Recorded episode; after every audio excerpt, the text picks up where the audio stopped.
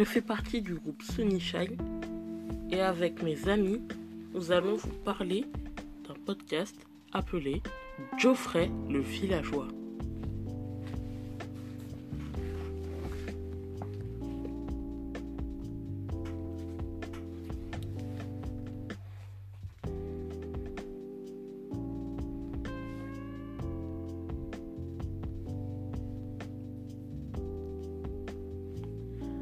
Alors, aujourd'hui, nous allons vous présenter l'épisode 2 qui s'appelle La rencontre. En fait, euh, dans le premier épisode, à la fin, on avait vu quelqu'un euh, passer, rentrer dans le portail euh, pour aller, comme certains le savent, vers l'Overworld. Mais il est revenu dans le Nether. C'est là que nous nous sommes arrêtés Geoffrey, avec l'épée de son frère, allait détruire et vraiment, je suis désolé pour le mot, mais démonter le joueur. Même avec une épée en or, ce, que le joueur venait de faire était euh, passible de mort. Bon. En fait, il a vu son pantalon euh, d'or. Mais bon, vu qu'il connaissait le règlement, il savait que si quelqu'un porte de l'or, même s'il est étranger, on doit bien l'accueillir.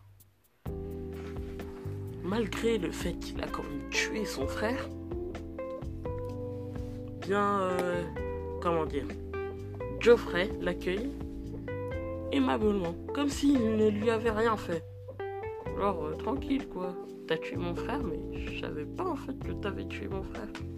Bon, on fait comme si de rien n'était. Bref, il lui a pardonné. Et justement, après, euh, le joueur, justement, c'est comme ça qu'on va l'appeler désormais, est en train euh, de visiter euh, le biome. Geoffrey se dit que il doit quand même le suivre pour savoir s'il allait refaire une attaque. Mais le joueur reste passif. Pendant une journée entière, Geoffrey ne fait que le voir en train de se battre contre des Hoglins, en train de surmonter euh, des Striders et en train aussi de troquer avec les Piglins.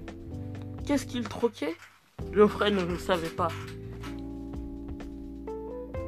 Mais ce fit un moment où le joueur se retourna et ce qu'il avait sur la main droite ouais, c'est à ma droite, était de l'or.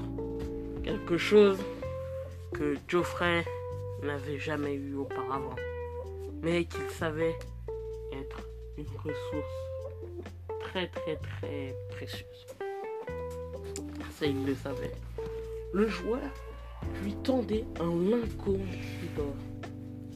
Geoffrey l'examina, mais il était bien trop petit pour comprendre la valeur qu'il avait. Geoffrey prit le lingot, le mit dans sa poche et alla le rapporter euh, chez lui. Même si en réalité il n'avait pas de chez lui. Voilà. SDF avec une grosse famille.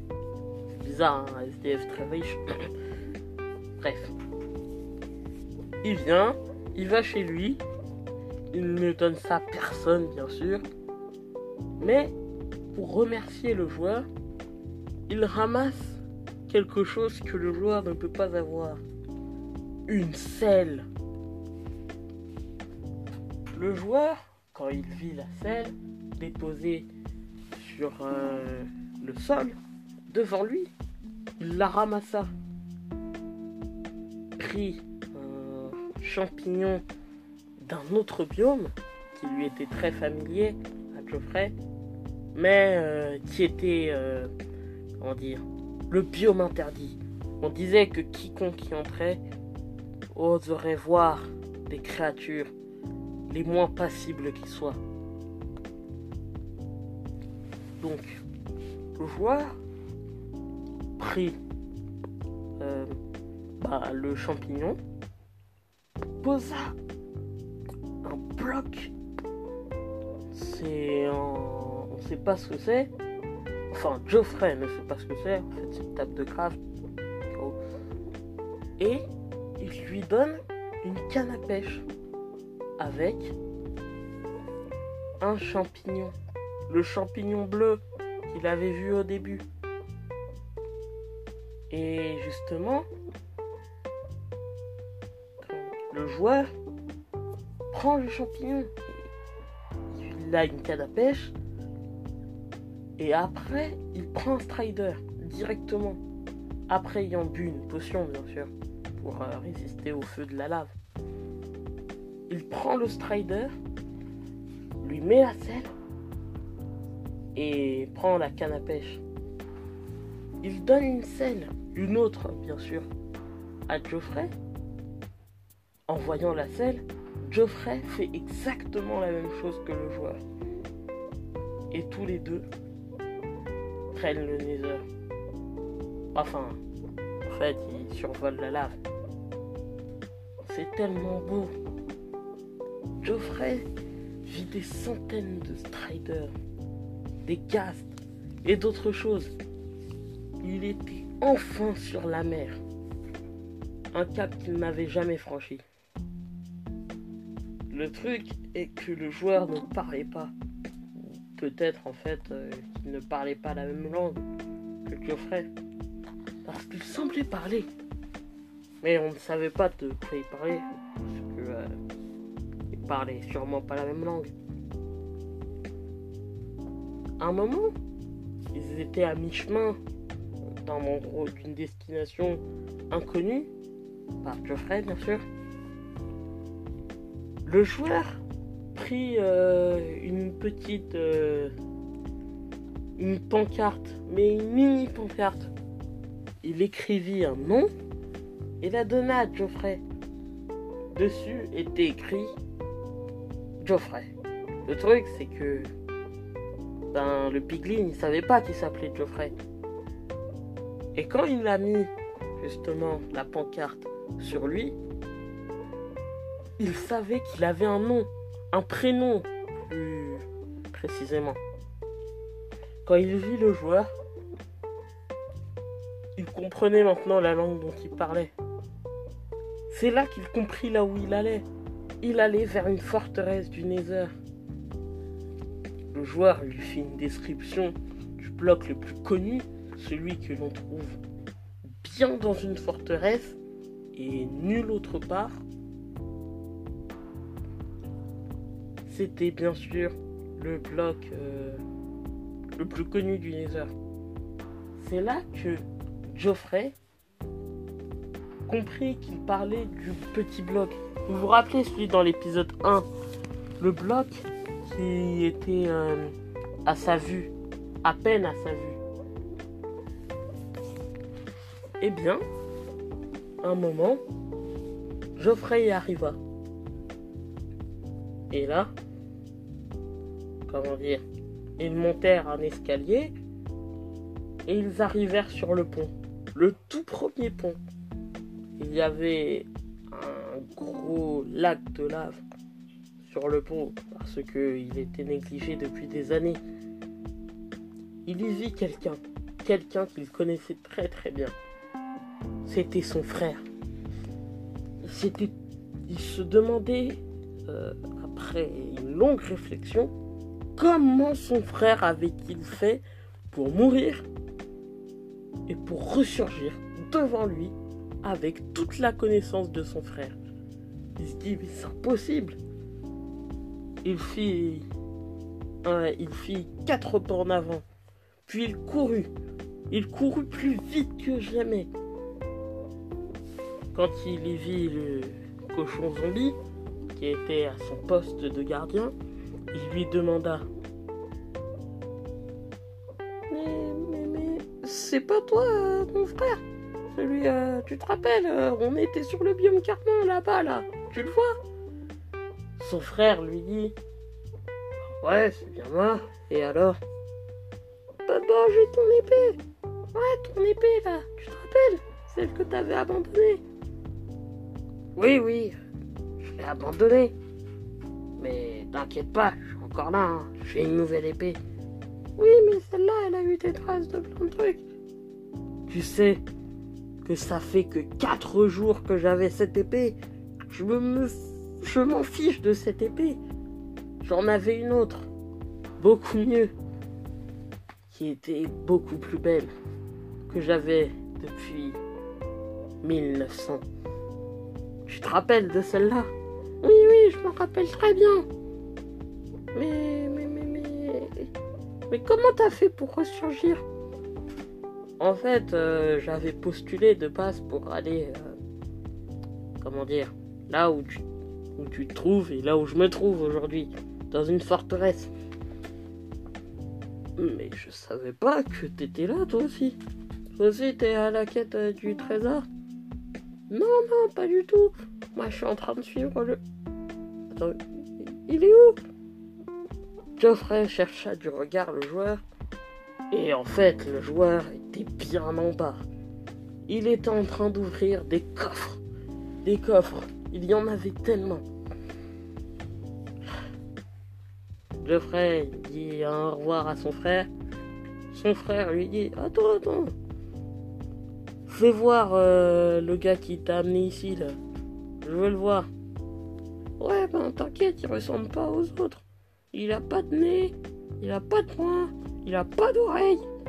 Et en plus, ses bras, ils sont super gros. On dirait ceux de papa, non plus gros encore. Il a pas l'arbalète. Et il a une épée toute bleue. Bon, je m'en fiche des descriptions. Fais-le voir. J'ai envie de le voir en fait. Bon. Ils s'approchèrent du joueur. Le joueur se retournant allait dégainer son épée quand il vit Geoffrey, son frère. Et là, son frère, le frère à Geoffrey, dit euh, au joueur euh, Désolé, en fait, euh, je suis avec mon frère. Vous le connaissez bien. Je suis. Maintenant, j'ai postulé pour la forteresse. Faites attention aux squelettes, parce que. Ils sont méchants. Oui, oui, vous inquiétez pas, je vais faire attention. Est-ce que c'est pas par hasard vous que j'ai tué sans faire exprès? Oui. Mais vous avez pas fait exprès, je vous, rappelle. Geoffrey, à ces mots, pas fait exprès, écarquilla ses yeux comme jamais. Il avait une grosse vision. Bon, en fait, il voyait que son frère. Il n'avait aucune vision. Il était tellement étonné. Il n'avait pas fait exprès. Et là, il demanda à son frère Mais. Mais s'il n'a pas fait exprès, pourquoi tu l'as attaqué? Pourquoi t'es mort? Et pourquoi il t'a tué? En fait, euh, comment dire? Il cherchait de l'or, du quartz et d'autres ressources. Et à un moment, un ghast s'est interposé. Oui, il lui a craché dessus. Boum Et le truc, il l'a évité. Et finalement, il voulait taper sur la boule. Et c'est sur moi qu'il a tapé. Mais comme le code pénal est très très très très strict, j'avais le devoir de l'attaquer. Et si je mourais en héros, ça veut dire que je pourrais postuler pour un autre métier, peut-être meilleur. Mais pourquoi t'as pas directement postulé euh, pour euh, un autre métier? Bah, Parce que je voulais savoir ce que ça faisait d'être un pygmée errant. C'est tout. Non mais après, ça rapporte pas d'argent. hein. Du coup, maintenant, on me fait rémunérer en étant dans les forteresses. Ah Est-ce qu'un jour tu crois que je me ferai rémunérer? Si tu restes avec le joueur, tu te feras jamais rémunérer, ça c'est sûr. Je peux te le jurer. Quoi, mais c'est fou. On vient de lui donner deux lingots d'or. Deux lingots d'or Pour toute ma vie et toute ma fortune, j'ai jamais eu un seul lingot d'or. Comment vous... Oui, lui, il a rien fait. Il a deux lingots d'or. Bah, en même temps, il allait me tuer. Du coup, je devais l'amadouer un peu quand même. Ouais, sinon, c'est trop facile. Bon, pas grave. Vous voulez trouver quoi d'ailleurs? En fait, je veux trouver le spawn à Blaze. Bref, ce qui va m'aider pour ma quête. Alors, il y a deux endroits où vous devez aller. Premièrement, bah, vous êtes ici, c'est bien. Deuxièmement, vous devez aller dans les bastions voisins. Les soi-disant deux bastions regorgés de grands trésors. Il faut esquiver tous les piglins bruts. Et troisièmement, vous devez aller dans le biome biscornu. Un biome des plus grands Endermen. Ces soi-disant monstres à l'aspect formidable. Bon, en fait, pour ceux qui savent pas, formidable, ça veut pas dire que c'est bien. Hein. Ça veut dire que ça fait super peur. Et oui, vous devez les traverser. Et après, bah c'est bon, hein, vous pouvez retourner. Euh, ah si, faut aller dans le portail. Vous passe les coordonnées. Attendez, vous avez un livre ou un, carnet de notes ou un truc comme ça. contre toute attente, il donna un carnet de notes. Le piglin écrivit de sa plus belle écriture. Mais le problème, c'est qu'il ne comprenait rien du tout à son écriture. En fait, la graphique qu'il avait n'était pas, euh, comment dire, la graphique latine. C'était euh, d'autres lettres, des lettres euh, du Nether, quoi. Bon, je lui ai traduit tous les chiffres, parce que en fait c'est des chiffres. Et finalement, nous partîmes aux coordonnées. Est-ce que je dois vous les dire finalement? Ouais. Bon, ils partirent c'est quoi déjà? Bah oui, les coordonnées X202, Y0, euh, ouais, pour que vous tombiez bien dans la lave. En fait, non, je rigole, on sait toujours pas Y quoi. Et Z26. Donc, euh, voilà. Où ça nous mènera? Bah, ça nous mène devant le portail. Mais ils vont rencontrer de gros problèmes. Pourquoi? Il règne là-bas les piglins les plus brutes. Vont-ils réussir à les attaquer? Vont-ils finalement prendre les meilleures parties du trésor? Parce que la vie, il y a des trésors trop nuls là-bas. Une fois, je suis allé dans un bastion, c'est trop nul. Surtout un bedrock. Est-ce qu'ils vont trouver un meilleur trésor? Ou est-ce qu'ils vont trouver le trésor le plus pourri du monde? Est-ce que finalement ils pourront battre tous les piglins Ou. Non, pas où. Est-ce qu'ils vont finalement réussir à prendre euh, tout ce qu'il faut? Bon, en je pose trop de questions parce que. Bon, vous le verrez dans les prochains épisodes. Voilà, c'est terminé. Voilà.